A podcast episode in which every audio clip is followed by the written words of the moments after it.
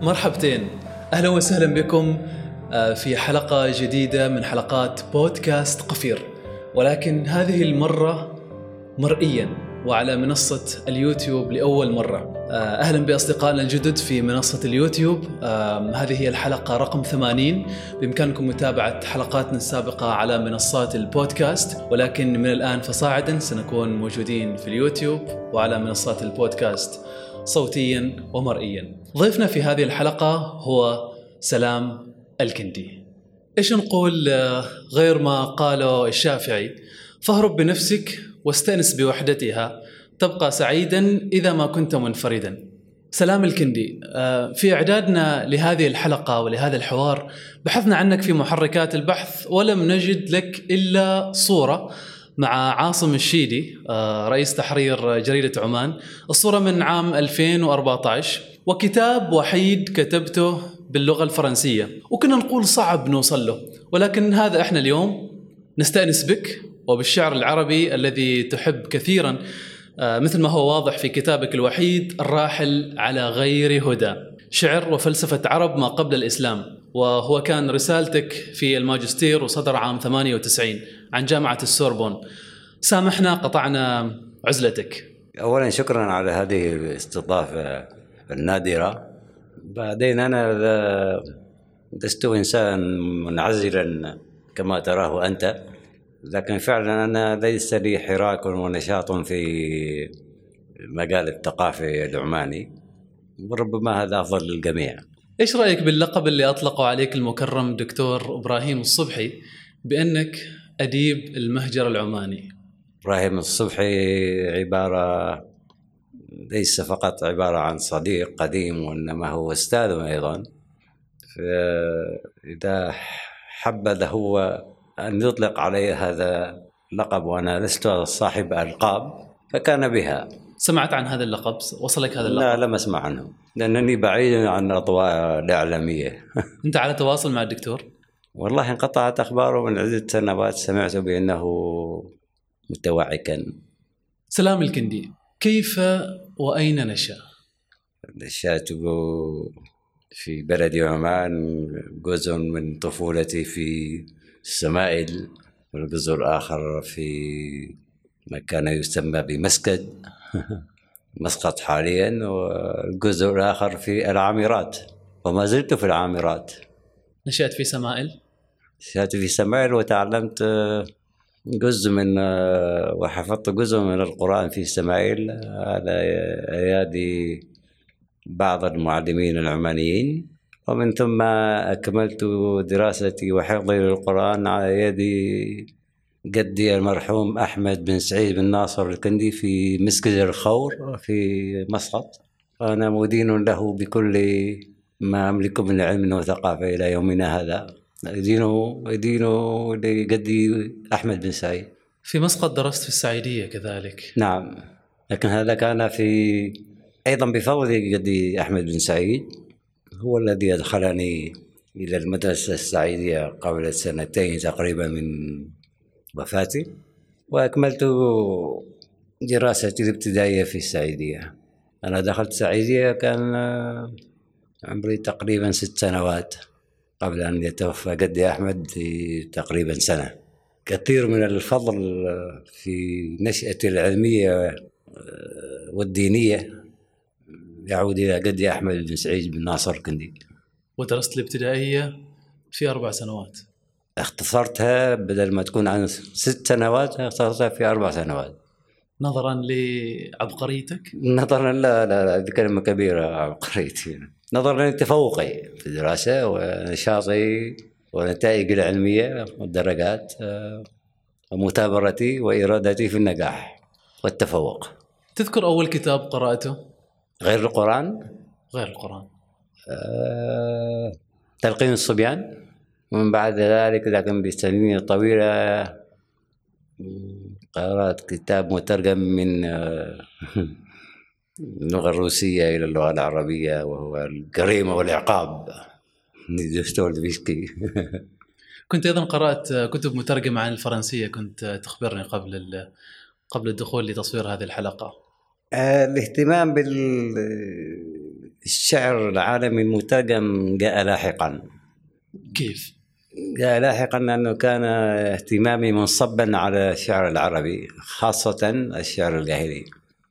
لا يخفى على الجميع بأن الشعر بعض الشعر الجاهلي كان ضمن المنهج في تلك الأيام كان منهج قطري منهج رصين وصلب. تذكر سنة كم؟ بداية الثمانينات قبل لا الثمانينات. المنهج القطري كان من الإعدادية من الإعدادية والثانوية. وأظن استمر لعدة سنوات. أنا تخرجت من ثانوية جابر بن زيد في سنة 1982 يعني هذا الكلام صار 45 سنة طيب وهل ممكن نقول آه، حبك للغة الفرنسية بدأ من هذه الكتب المترجمة؟ هو جزء من شغفي باللغة الفرنسية يأتي من ذلك كيف كنت تحصل على هذه الكتب؟ كان أحد الأقارب يأتي بهذه الكتب مترجمة من الإمارات وهو سماع عيسى الطائي شاكرا له. وقرأت عدد كبير منها؟ والله اللي كان متوفر هذيك الأيام آه، طبعا الشعر الفرنسي الحديث أشعار مالارمي رامبو وآخرين. ومن بعد ذلك أيضا آه، ترجمات الشعر آه، الذي كان يسمى بالشعر الرومانسي وهو أشعار آه، هوردارين الشاعر الألماني آه، والشاعر الألماني النمساوي ماريا ريلكه وآخرين أيضا إيش قصة فرنسا وذهابك إلى فرنسا؟ لماذا فرنسا؟ لماذا فرنسا؟ اولا اكتشافي عبر الترجمة للأدب الفرنسي ثانيا وأيضا إنه معظم الطلبة العمانيين في ذلك الوقت وحتى يومنا هذا آه، هم خريجي آه، لغه انجلوساكسونيه آه، تسهل عليهم الأمور والتخرج والحصول على وظيفة. بينما أنا كان طموحي يأخذ مدى أبعد. ليست لم تكن لدي فقط فكرة الحصول على شهادة والعودة إلى الوطن والحصول على وظيفة والاستقرار. وهذا الطموح وبفضل جهودي وبعض المساعدات آه، شاركت وفي تدرجي العلمي والثقافي والفكري وأتت بهذه النتيجة بنتحدث عن الكتاب بنتحدث عن الكتاب ولكن اختيارك لجامعة السوربون كيف تم؟ جامعة السوربون من من من, الجامعات القوية يعني السوربون آه، كانت قمة في العلم والفكر والتاريخ و وسمعتها العالمية والتاريخية امتدت إلى تقريبا تسعينات القرن الماضي وأعتقد أن السوربون الآن آه، مثل معظم الجامعات العالمية حتى الأنجلوساكسونية تشهد انحطاطا علميا يعني نزول مستوى العلم فيها وذلك عائد على العولمة وعائد أيضا على غياب معظم مفكرين فرنسا المعروفين ميشيل فوكو رولان بارت فيليب ديسكولا ألان باديو الذي كتب كتب مقدمة كتابه. معظمهم توفوا وبعض- والآخرين متقاعدين أو طريحي الفراش. كانت لك صلة بها بهؤلاء بهذه الأسماء؟ الذين ذكرتهم؟ مم. نعم. صلة خاصة صلة صداقة صلة صلة آه، علم وكنت أحضر آه، دروسهم إلى آخره. وما زلت متواصل مع بعضهم. الصعلكة وتحديدا الانشقاق عن الجماعة. هل تشعر بأنها تشبهك في شيء؟ الصعلكة لا. التشرد لا. آه، لم أدعي يوما لا بالصعلكة ولا بالتشرد. آه، هذه كلمات سهلة على بعض الشعراء الذين استفادوا منها على الصعيد المالي والسمعة لكن العلم لا يتطلب التشرد ولا الصعلكة بالعكس تماما يتطلب الجهد والمثابرة وحضور الدروس والذهاب إلى المكتبات. حتى لو الجلوس في المكتبات لمدة عشر ساعات أو 15 ساعة في اليوم. وشيع عنك مثلا بعد تخرجك من السوربون أنك عملت كعامل بسيط في محطات البترول ولدى عودتك إلى عمان ما تحملت العمل النظامي في الجامعة؟ لذلك قيل عنك صعلوك آه، نعم في محطات البترول عملت في بعض محلات بعض اخوتي كمساعدة فقط. وإنما لا يمكن أن تقول عن هذا انه صعلك العمل ليس صعلك ابدا. لا العمل نعمل وقت قد. ماذا عن تجربة العمل في الجامعة؟ أي جامعة؟ لدى عودتك إلى السلطنة. أنا لم أعمل في أي جامعة في عمان. ولا حتى جامعة سلطان قابوس؟ لا. عرضت عليك؟ طيب فرصة للعمل. لا لم تعرض علي ولا في جامعة أخرى في السلطنة. أنا قدمت محاضرة في جامعة الجامعة التي تذكرها أنت تسمى جامعة تقييمية لكن ما أغاض اللوبي المصري المسيطر على جامعة السلطان قابوس ونغزه بسيطة عن طه حسين وتشكيكه في الشعر الجاهلي. لكن المسألة كانت غير ذلك. فإذا حبيت أن تعود هذه المشكلة إن كانت مشكلة مع جامعة قابوس فهي عائدة على سوء الإدارة في هذه الجامعة. كان وقتها عندك رغبة أنك تنضم للجامعة؟ كان عندي طموح أن كيف أقول لك؟ طموح أن أحقق ما درسته أنا وقرأته وعرفته في كل في عقدين من من الزمن في فرنسا. نعم. طيب عدا ذلك يعني أو غير ذلك سلام الكندي ما موجود في في الساحة الثقافية الأدبية المحلية؟ أنا أحمد ربي لعدم وجودي في الساحة الثقافية. اولا من الخطأ أن الحديث عن ساحة ثقافية في عمان. تقول الساحة الساحة تتطلب نوع من ما يقال يسمى بالديناميزم يعني النشاط. وطبعا في نشاط ولكنه غير فعال. أنا إذا أستند في حواري معك على شيء ما هو ليس ضد فلان أو ضد المؤسسة التعليمية الأخرى أو لا أنا أستند على الواقع. الواقع هو الواقع اليومي الملموس هو الذي يخبرك بكل شيء. فأنت لما تأتي إلى النتائج سواء في جامعة الفلانية أو حتى نقول آه، جمعية الكتاب والأدباء أنا أيضا أيضا غايب تماما عنها لنفس الأسباب. أنت لا تعتقد أن هناك أصلا حراك؟ أعتقد أنه إيه؟ لا تعتقد أن هناك حراك ثقافي. أنا بالعكس هناك حراك لكنه هذا هذا هذا الحراك هو له مصداقيته؟ هل له أصالته كثقافة؟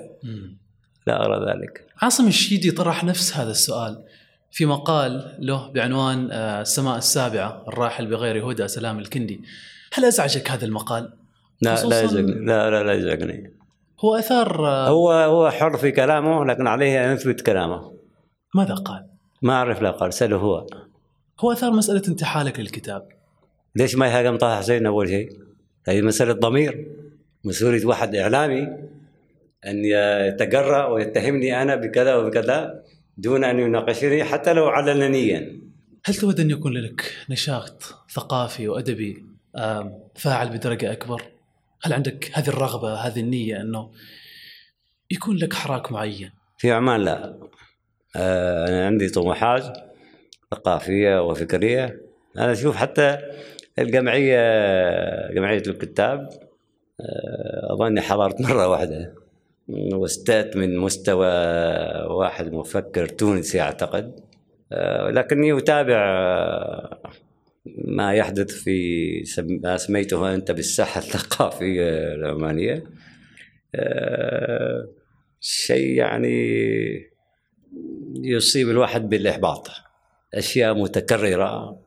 أشياء بعيدة عن خضم المدارس والنظريات الأدبية والفكرية وعلم النفس. بما معناه أن هؤلاء الناس حتى منهم الأجانب الذين تدعوهم الجمعية وتدعوهم البلد هؤلاء كلهم خلاص يعني عفى عليهم الزمن وتجاوزتهم الأحداث ولم يجددوا من نفسهم ولا يعني العودة بنفس الخطاب الذي كان سائدا قبل خمسين سنة.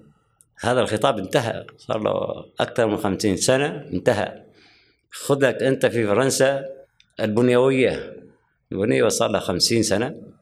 بعض النقاد أو من يسمون نفسهم نقادا في العالم العربي تبنوا آه، بالشكل الخاطئ البنيوية. أولا أنت البنيوية لم تقرأها بلغتها الأم ثانيا أنت طبقتها تطبيقا تعسفيا والنتائج وخيمة. ثالثا أنت لم تتجاوز هذه النظريات التي عفى عليها الزمن. الناس تكلمت آه، عن ما بعد الحداثة ما بعد البنيوية إلى آخره. أنت بعدك ما زلت في البنيوية؟ فكيف ترى يعني ترجو من هؤلاء الناس أو هذه العقول آه، حتى بصيص أمل في التقدم آه، الكتابي أو الفكري لا يمكن. تعال نتحدث عن الكتاب.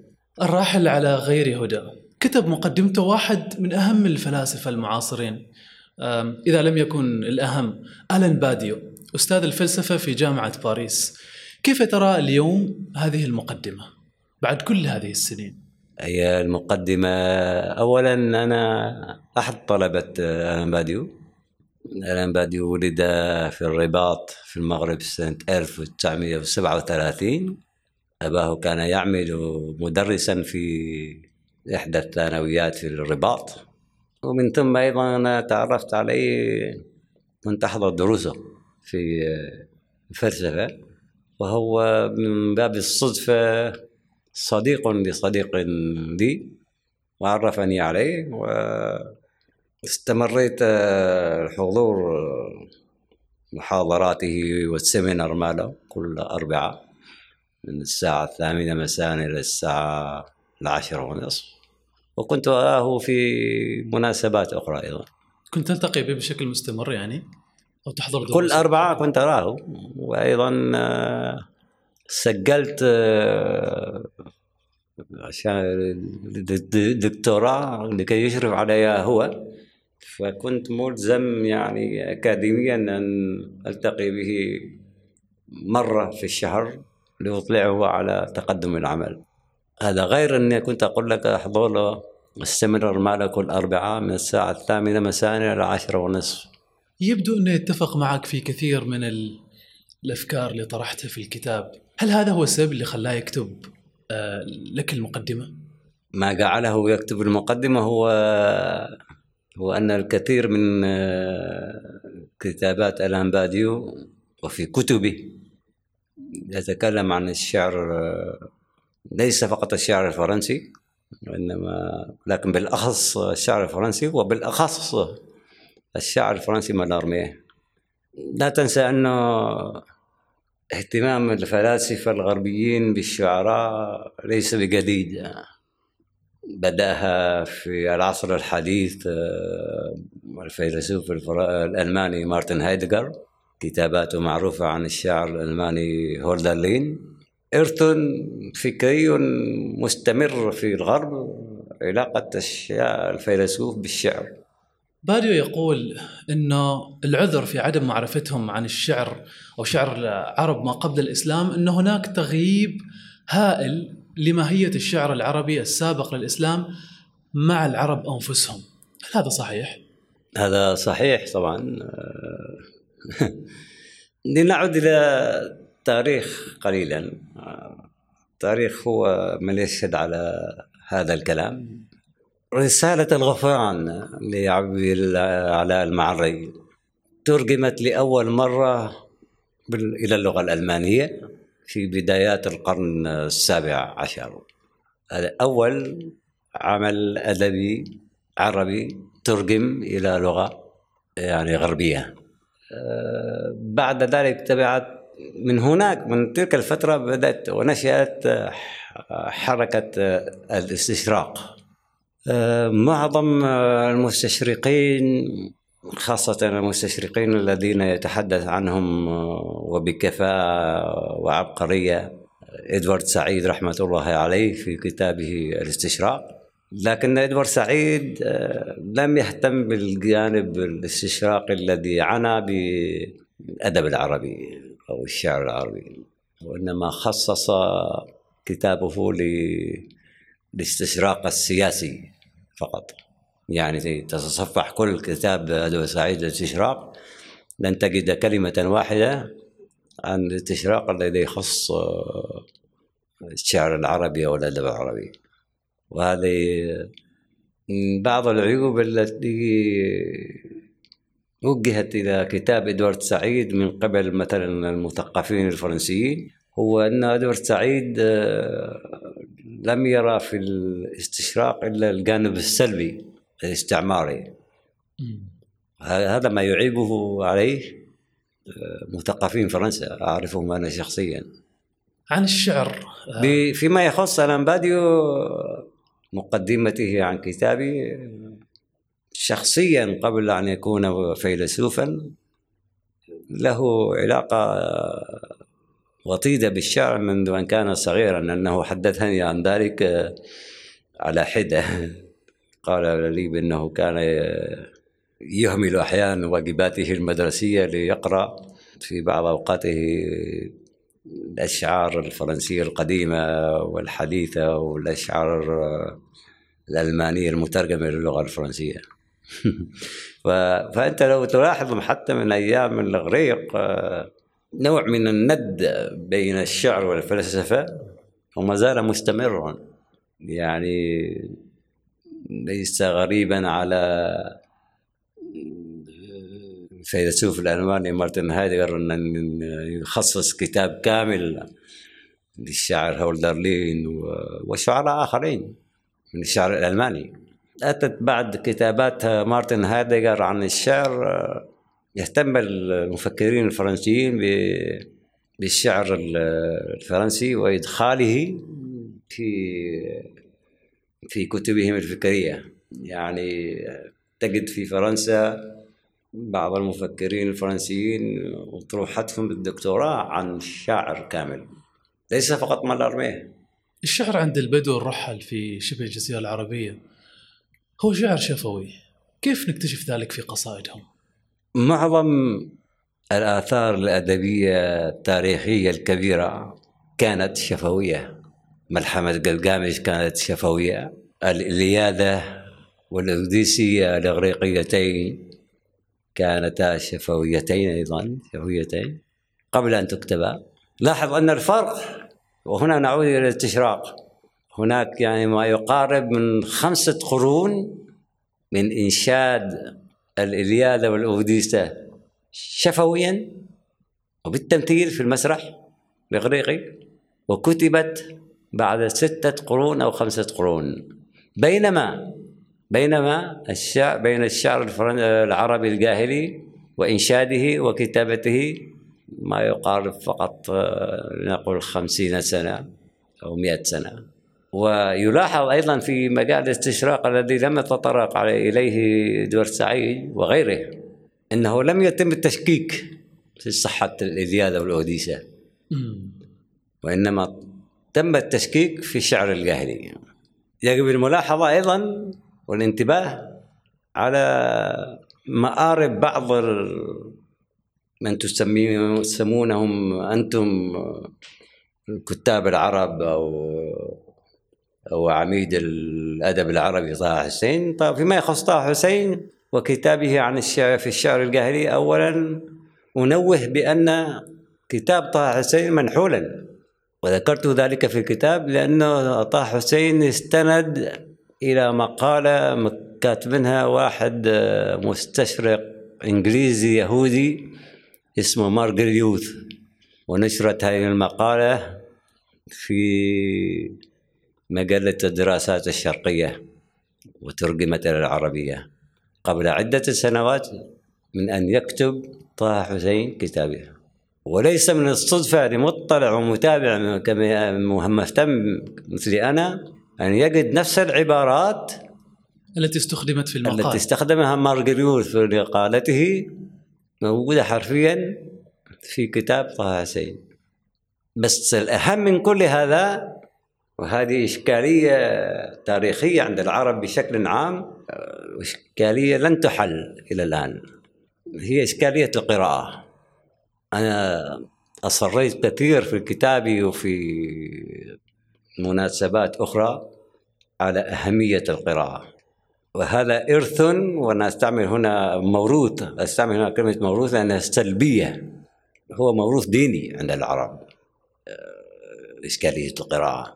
خذ لك آه، النبي محمد آه، بنفسه قال أنا جاهل لا أقرأ ولا أكتب. هناك في سورة تشير إلى ذلك. في سورة في القرآن تشير على أهمية القراءة لكن العرب يجهلونها أو يفسرونها بطريقة أخرى. اقرأ باسم ربك الذي. حبيت كمل سورة عليك. هذه الإشكالية القراءة عند العرب ما زالت موجودة. ليس فقط أنهم لا يقرؤون الصحف والكتب يتصفحونها إلى آخره. القراءة ليست فقط يعني أنك تتصفح كتاب وتقرأه القراءة القراءة إذا لم تدفعك على تجاوز ما قرأته أنت وتبتكر شيء آخر يحدو بك إلى تجاوز ما قرأته أنت والمجيء بشيء أكبر منه أجد وأكثر حداثة منه. ولا لا تسمى هذه قراءة. ثم أن عندك حالة أخرى إشكالية أخرى عند العرب خاصة عند العرب وهم كثيرون مع الأسف الشديد. أكاديميون و تعم بهم الجامعات العربية في كل مكان. وتعم بهم أيضا دور النشر الذي هم يسمون نفسهم نقادا. تارة ينتمون إلى مدرسة نقدية غربية متهالكة. وتارة أخرى يعود يعود يعود بنفسه إلى التراث دون فهمه دون قراءته. فيما يخص النقد العربي بشكل عام إلى يومنا هذا لا يوجد أي ناقد عربي حاول مهما كان النص الذي يتعامل معه. نص شعري جاهلي أو غير جاهلي من شأن الناقد أن يخلق نص داخل النص الأصلي. هذه أول نقطة. ثاني نقطة وهي أيضا مهمة هو أن يتجاوز هذا الناقد أن يتجاوز النص الأصلي. وثالث نقطة عليه أن يرقى بالنص الأصلي. إلى قمم أخرى أو إلى آفاق أخرى. لكن من كل هذا لم يحدث إلى يومنا هذا أبدا. هو مجرد آه، العربي إذا جاز القول وسميناه هكذا آه، لا تتعدى المقالات الصحفية الإعلامية السطحية طبعا. في حديثك عن طه حسين بلا شك أنت تشير إلى كتابه حول الشعر الجاهلي اللي صدر عام 1926 أثار ثورة فكرية ربما كان يقودها حزب آه، الوفد برئاسة سعد زغلول آه، لدرجة أنه يعني آه، اتهموه بالزندقة وأن كتابه هذا أثار مشاعر المسلمين. في كتابه هذا هو يعني اتهم عرب ما بعد الإسلام بأنهم انتحلوا أشعار الجاهليين ونسبوها إلى إلى أنفسهم كيف لكتاب أن يثير كل هذه الضجة؟ ذكرت لك قبل قليل إن هذا الكتاب ليس كتاب طه حسين قلت لك بأن هذه مقالة لمستشرق إنجليزي يهودي اسمه مارجليوت منشورة ومترجمة إلى العربية ومنشورة في مجلة آه، الدراسات الشرقية. قبل سنتين وأكثر عن كتاب طه حسين. أنا لا أعرف آه، يعني بما كل هذا الصراخ والعواح حول طه حسين. أنا بس كتبت مجرد ملاحظة عنه لم أهتم واجد به. في كتابك. كتابي. طبعا أيضا استعنت بالفيلسوف الفرنسي جاك ديريدا قبل أن أستعين بجاك ديريدا وأثبت لك وللجميع بأن طه حسين لم كغيره كغيره لم يقرأ الشعر الجاهلي غير أنه هو كان أعمى فعلا بما معنى أن هذا الشعر في مجمله يتكلم عن العفاء والاندثار ومن المصادفة التاريخية إن هذا الشعر لم يندثر سواء حاول طه حسين وعصابته أو لم يحاول. الشعر الجاهلي؟ الشعر الجاهل الجاهلي يظل يظل ويبقى أول شعر عربي وعريق ولن يتجاوزه الشعراء العرب. لن يتجاوزه. أقدر أثبت لك اليوم تأتيني بأي قصيدة مسمى قصيدة الشعر الحديث تجد القافية موجودة فيها. الشعر النثري الشعر الحديث تجد القافية موجودة فيها. إلى ما بعد يومنا هذا الشعراء العرب الذين يدعون الحداثة أنا مستعد أن أتحداهم بأن القافية موجودة في كل بيت من أشعارهم. في كل بيت موجودة القافية. هم لم يتجاوزوا القافية العربية لم يتجاوزوا البحور آه، بحور الفراهيدي. كل أو ثانيا وأهم من ذلك أن هذه الحداثة العربية هي أصلا حداثة غربية مستقاة من الغرب. أستطيع أن أثبت لك أن قصيدة الشاعر العربي الحديث تقابلها قصيدة الشاعر الفرنسي الفلان الفلانية قصيدة الفلانية. الشاعر العربي الحديث في مجمله في مجمل الشعر الحديث. لم يأتي بشيء, بشيء جديد. أولا الحديث ليست تسمية منه هو.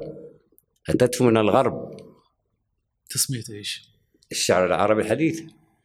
آه، نقول بالفرنسي la poésie française moderne طيب هذا الشعراء العرب أصحاب مجلة مجلة. ما كانوا عايشين في فرنسا؟ الاستعمار الفرنسي في لبنان. ما علمهم اللغة الفرنسية؟ من اين أتوا بها الشعر العربي الحديث؟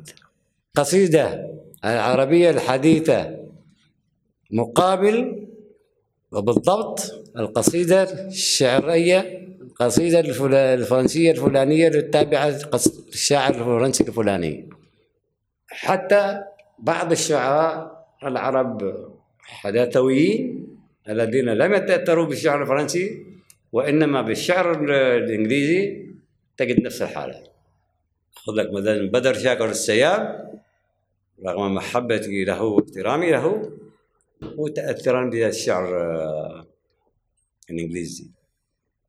ونوه أيضا أن إنجلترا بأكبرها معظم وأكبر عباقرتها في الأدب في الشعر ليسوا إنجليز الأهمية في إيرلنديين معظم أدباء بريطانيا إيرلنديين. خذ لك جيم جويس ليس إنجليزي. حاصل على جائزة نوبل. معظم الشعراء الإنجليز إيرلنديين. قلة القليلة إنجليز. يمكن هذا اللي يسمى آه، نسيت والله ما حاضرني اسمه الآن. المهم سأذكره فيما بعد. لكن في مغالطة كبيرة في الحداثة في كلمة حداثة.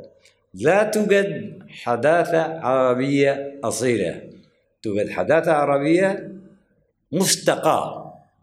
تقليدا لنسق سابق عليها. وليس من داخلها ليس من داخل الثقافة العربية ليس من داخل النص العربي. لا يوجد نص عربي شعري حديث أصيل إلا وهو مستقى من الشعر الفرنسي الشعر الإنجليزي الشعر الألماني المترجم الشعر الأمريكي. لا يوجد ولا نص واحد إلى يومنا هذا تستطيع أن تقول بأنه هذا نصا شعريا عربيا أصيلا. أتحدى أي شاعر منهم وأي واحد يدعي النقد منهم يأتيني بقصيدة ونقارنها بقصيدة أخرى. سترى النتيجة. لديك موقف من تسمية العرب بعرب ما قبل الإسلام وتقول آه ليش نعرفهم بما ينقصهم؟ ليش ما نقاربهم في ذاتهم؟ سؤالي لك ليش هذا السؤال أصلا مهم؟ آه، سؤالك سؤال إيديولوجي. سؤال آه، إيديولوجي ديني. ومن آه، ألقى عليهم هذه التسمية؟ القرآن. وردت كلمة الجاهلية في القرآن مرتين. في إحدى الآيات وطبعا دائما تتخذ المعنى الأخلاقي. ولا تتبرجن تبرج الجاهلية الأولى. معناته في اثنين جاهليتين. طبعا من المعروف أن القرآن أنه لا يحدد لك تاريخ أحداث. ليس من شأنه أن يحدد لك. لكنه طالما قال في هذه الآية لا تتبرجنا تبرج الجاهلية الأولى هو عمل قال لك في جاهليتين. طبعا لم يذكر. وواضح من الآية أن الأخذ على الجاهلية مأخذ أخلاقي. ماذا فعل الدين الإسلامي وخاصة في القرآن والسيرة النبوية والصحابة؟ هو أخذوا كل ما هم ما هم يعتقدونه بأنه سلبي وذكروه. ونسوا كل ما هو إيجابي. لنأخذ على سبيل المثال أنت القرآن أنزل بالوحي. إذا لم يكن هناك وبفضل الجاهلية من يعرف أن يقرأ ويكتب ماذا كان سيكون مصير القرآن والأحاديث النبوية؟ هل هؤلاء الكتاب أيضا نزلوا على طريقة آه، الوحي؟ طبعا لا. يعني في ناس تعرف تقرأ وتكتب. يعني أنت شوف آه، تاريخ الهجري يبدأ بالضبط سنة 622 ميلادي. يعني كل هذه الوجود المسيحيين واليهود في في شبه الجزيرة ما له تأثير؟ أبدا ما له تأثير. كتابيا شعريا فكريا دينيا ما ممكن ما له تأثير. الكتابة التي بدأت في مثلا في عند الأنباط في بتراء البتراء في الأردن. في حضارة بابل في حضارة الفرس. هذه الدول والحضارات ألم تكن تحيط بالجزيرة العربية أبدا؟ كل هذا جاء من فراغ. من سيصدقك؟ لا أحد يصدقك. هل يمكن القول أنه الشعر الجاهلي هو شعر رثائي؟ هو أنت إذا تنظر بشكل عام إلى إلى جوهر جوهر الشعر العالمي قديم طبعا. هو شعر ملحمي. لذلك آه، ألان باديو قارن آه، الشعر الجاهلي بملحمة الإلياذة والأوديسة.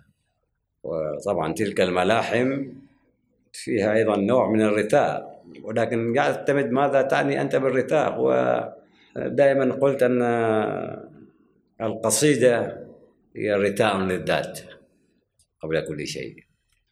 أما فيما يخص قصائد الشعر الجاهلي فهي ليست فقط رثاء للذات وإنما هي أيضا رثاء للحال. للكون بشكل عام لكل ما يشكل بنية في الواقع. الجاهلي كان لديه رؤية شبه عامة عن الكون تجرت هذه الرؤية الوقوف ليس الوقوف على الطلل وإنما الوقوف في الطلل استنتج منها رؤية للحياة ورؤية للكون طبعا رؤية كما يقال سوداوية. أنت لو تقرأ أي معلقة بشرط أنك تعرف أن تقرأ. ونعود من جديد إلى إشكالية القراءة. لو تقرأ أي معلقة من بدايتها إلى آخرها ومن ثم تعود أو تبدأ تقرأ نفس المعلقة من آخرها وأنت صاعد صاعد صاعد إلى بدايتها. ترى نفس النتيجة. في البداية تبدأ بالأطلال ثم آه، قسم الحيوانات الفخر والمعارك. طيب المعارك لها علاقة طويلة وحميمية حميمية مع الأطلال التي هي برزت في مقدمة القصيدة لذلك أقول لك أنت لو تبدأ وما في حد حاول يقرأ القصيدة القاهليه بهالطريقة يبدأها من الآخر وهو صاعد إلى البداية. خلي هذا النقاد يحاولوا وأعتقد إنهم سيصيرون إلى إلى نفس النتيجة. لكن يجب معرفة القراءة. القراءة أنا أذكر من جديد إنها إشكالية كبيرة عند العربي. إشكالية لم تحسم وربما لن تحسم ولن تحل في المستقبل القريب. طالما هذه العقليات وهذه الساريب الكتابية ما زالت موجودة وهذه المناهج المستقاة من دول أخرى ومطبقة عشوائيا وتعسفيا على نصوص ليس لها علاقة بهذه المناهج ولا تتحملها فالنتيجة طبعا سلبية وكارثية. الرثائية هذه هل يمكن أن تفسر لنا وتعبر لنا عن حال العربي آه، ما قبل الإسلام؟ بمعنى هذه الرثائية كانت حاضرة في حياتهم. آه، الرثائية لها طابع وجودي لها طابع وجودي جماعي موضوعي قبل أن تكون شخصية. لا شك أن عصر الجاهلية الذي امتد عصورا وقرونا عانى الكثير من الحروب والقحط وضيق المعيشة. والهجرة من مكان إلى آخر بحثا عن العيش والكرامة والاستقرار هذا غير هذه العوامل الخارجية. لكن في العوامل الخارجية لها بمعنى العلم النفسي إسقاطاتها على الذات العربية.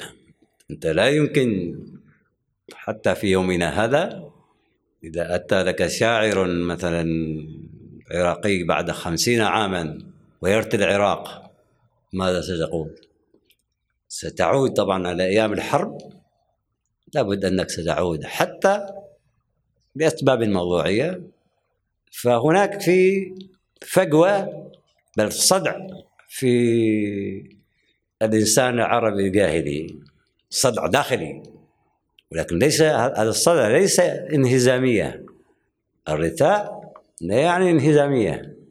الرثاء بفقدان الشيء حتى أحيانا قبل امتلاكه. يمكن أتى عن طريق الحلم أتى عن طريق السراب أتى عن طريق الترحال وأسباب أخرى. قد تكون معظمها تكون موضوعية. معظمها تكون موضوعية. آه أنت لو تنظر الآن إلى الإنسان العماني وتعود إلى تاريخه أيام النباهنة ومن بعد النباهنة اليعاربة ماذا تجده في الإنسان العماني اليوم؟ ماذا تجده؟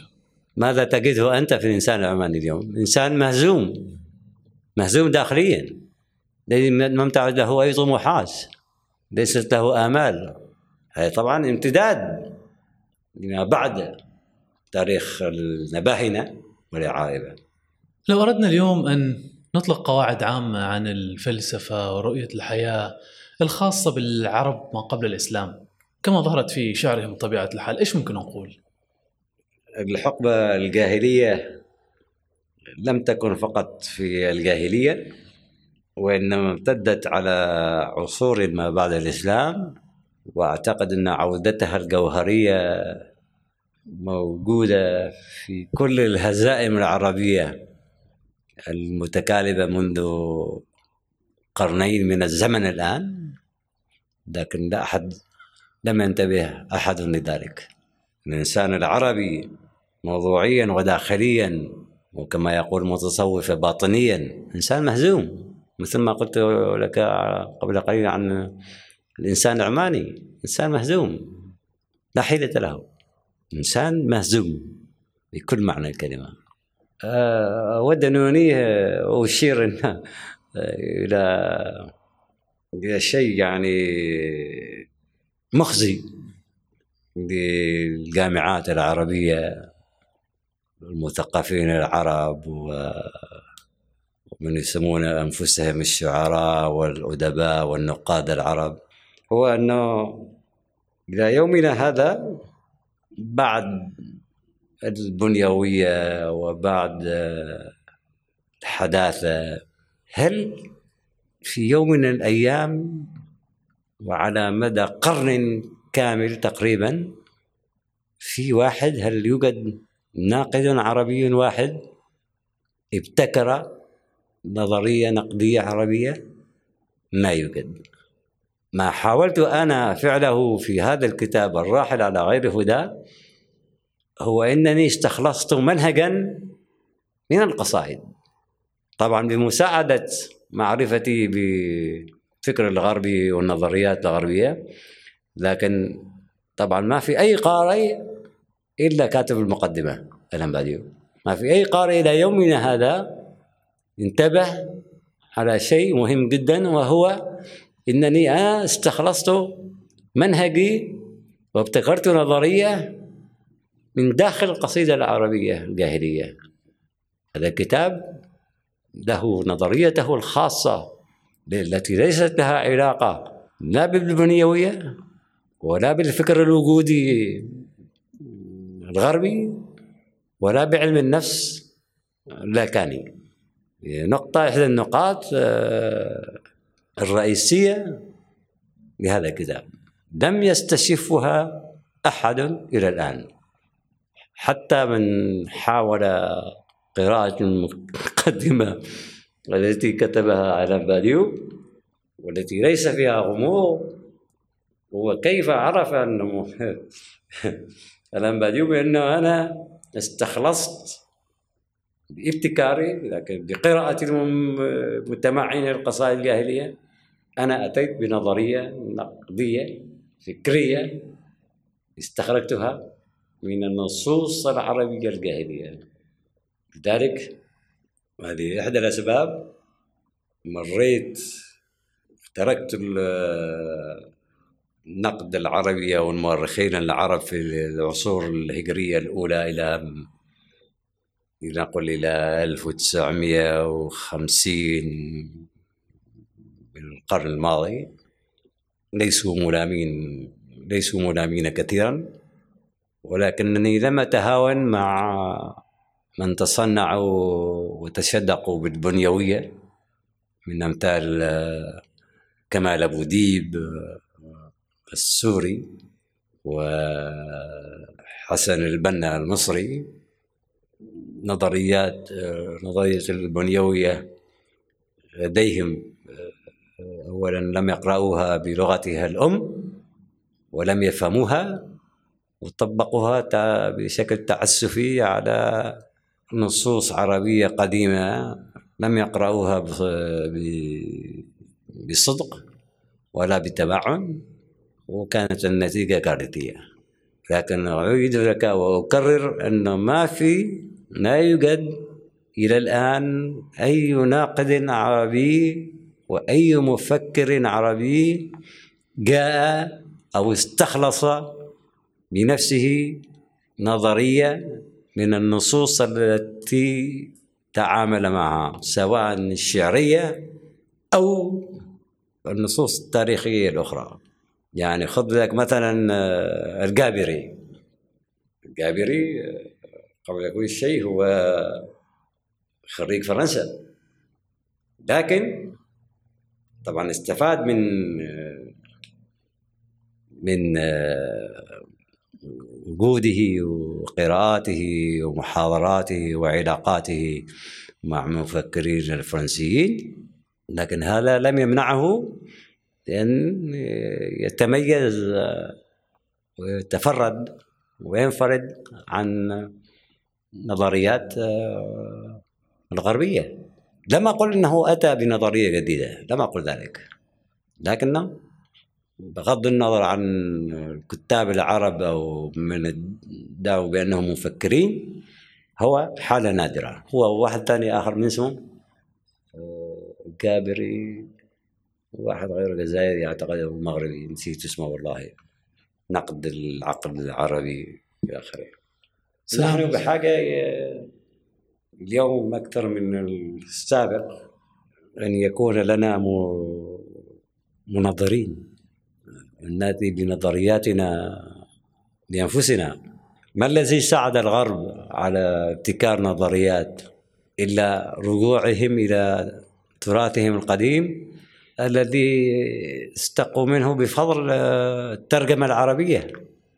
كيف عرف الغرب النصوص الفلسفية الإغريقية إلا عن طريق العرب وبفضل العرب؟ طبعا بعض منهم في قبل 200 سنة أو حتى 100 سنة. أنكروا ذلك الغربيين أنكروا فضل العرب.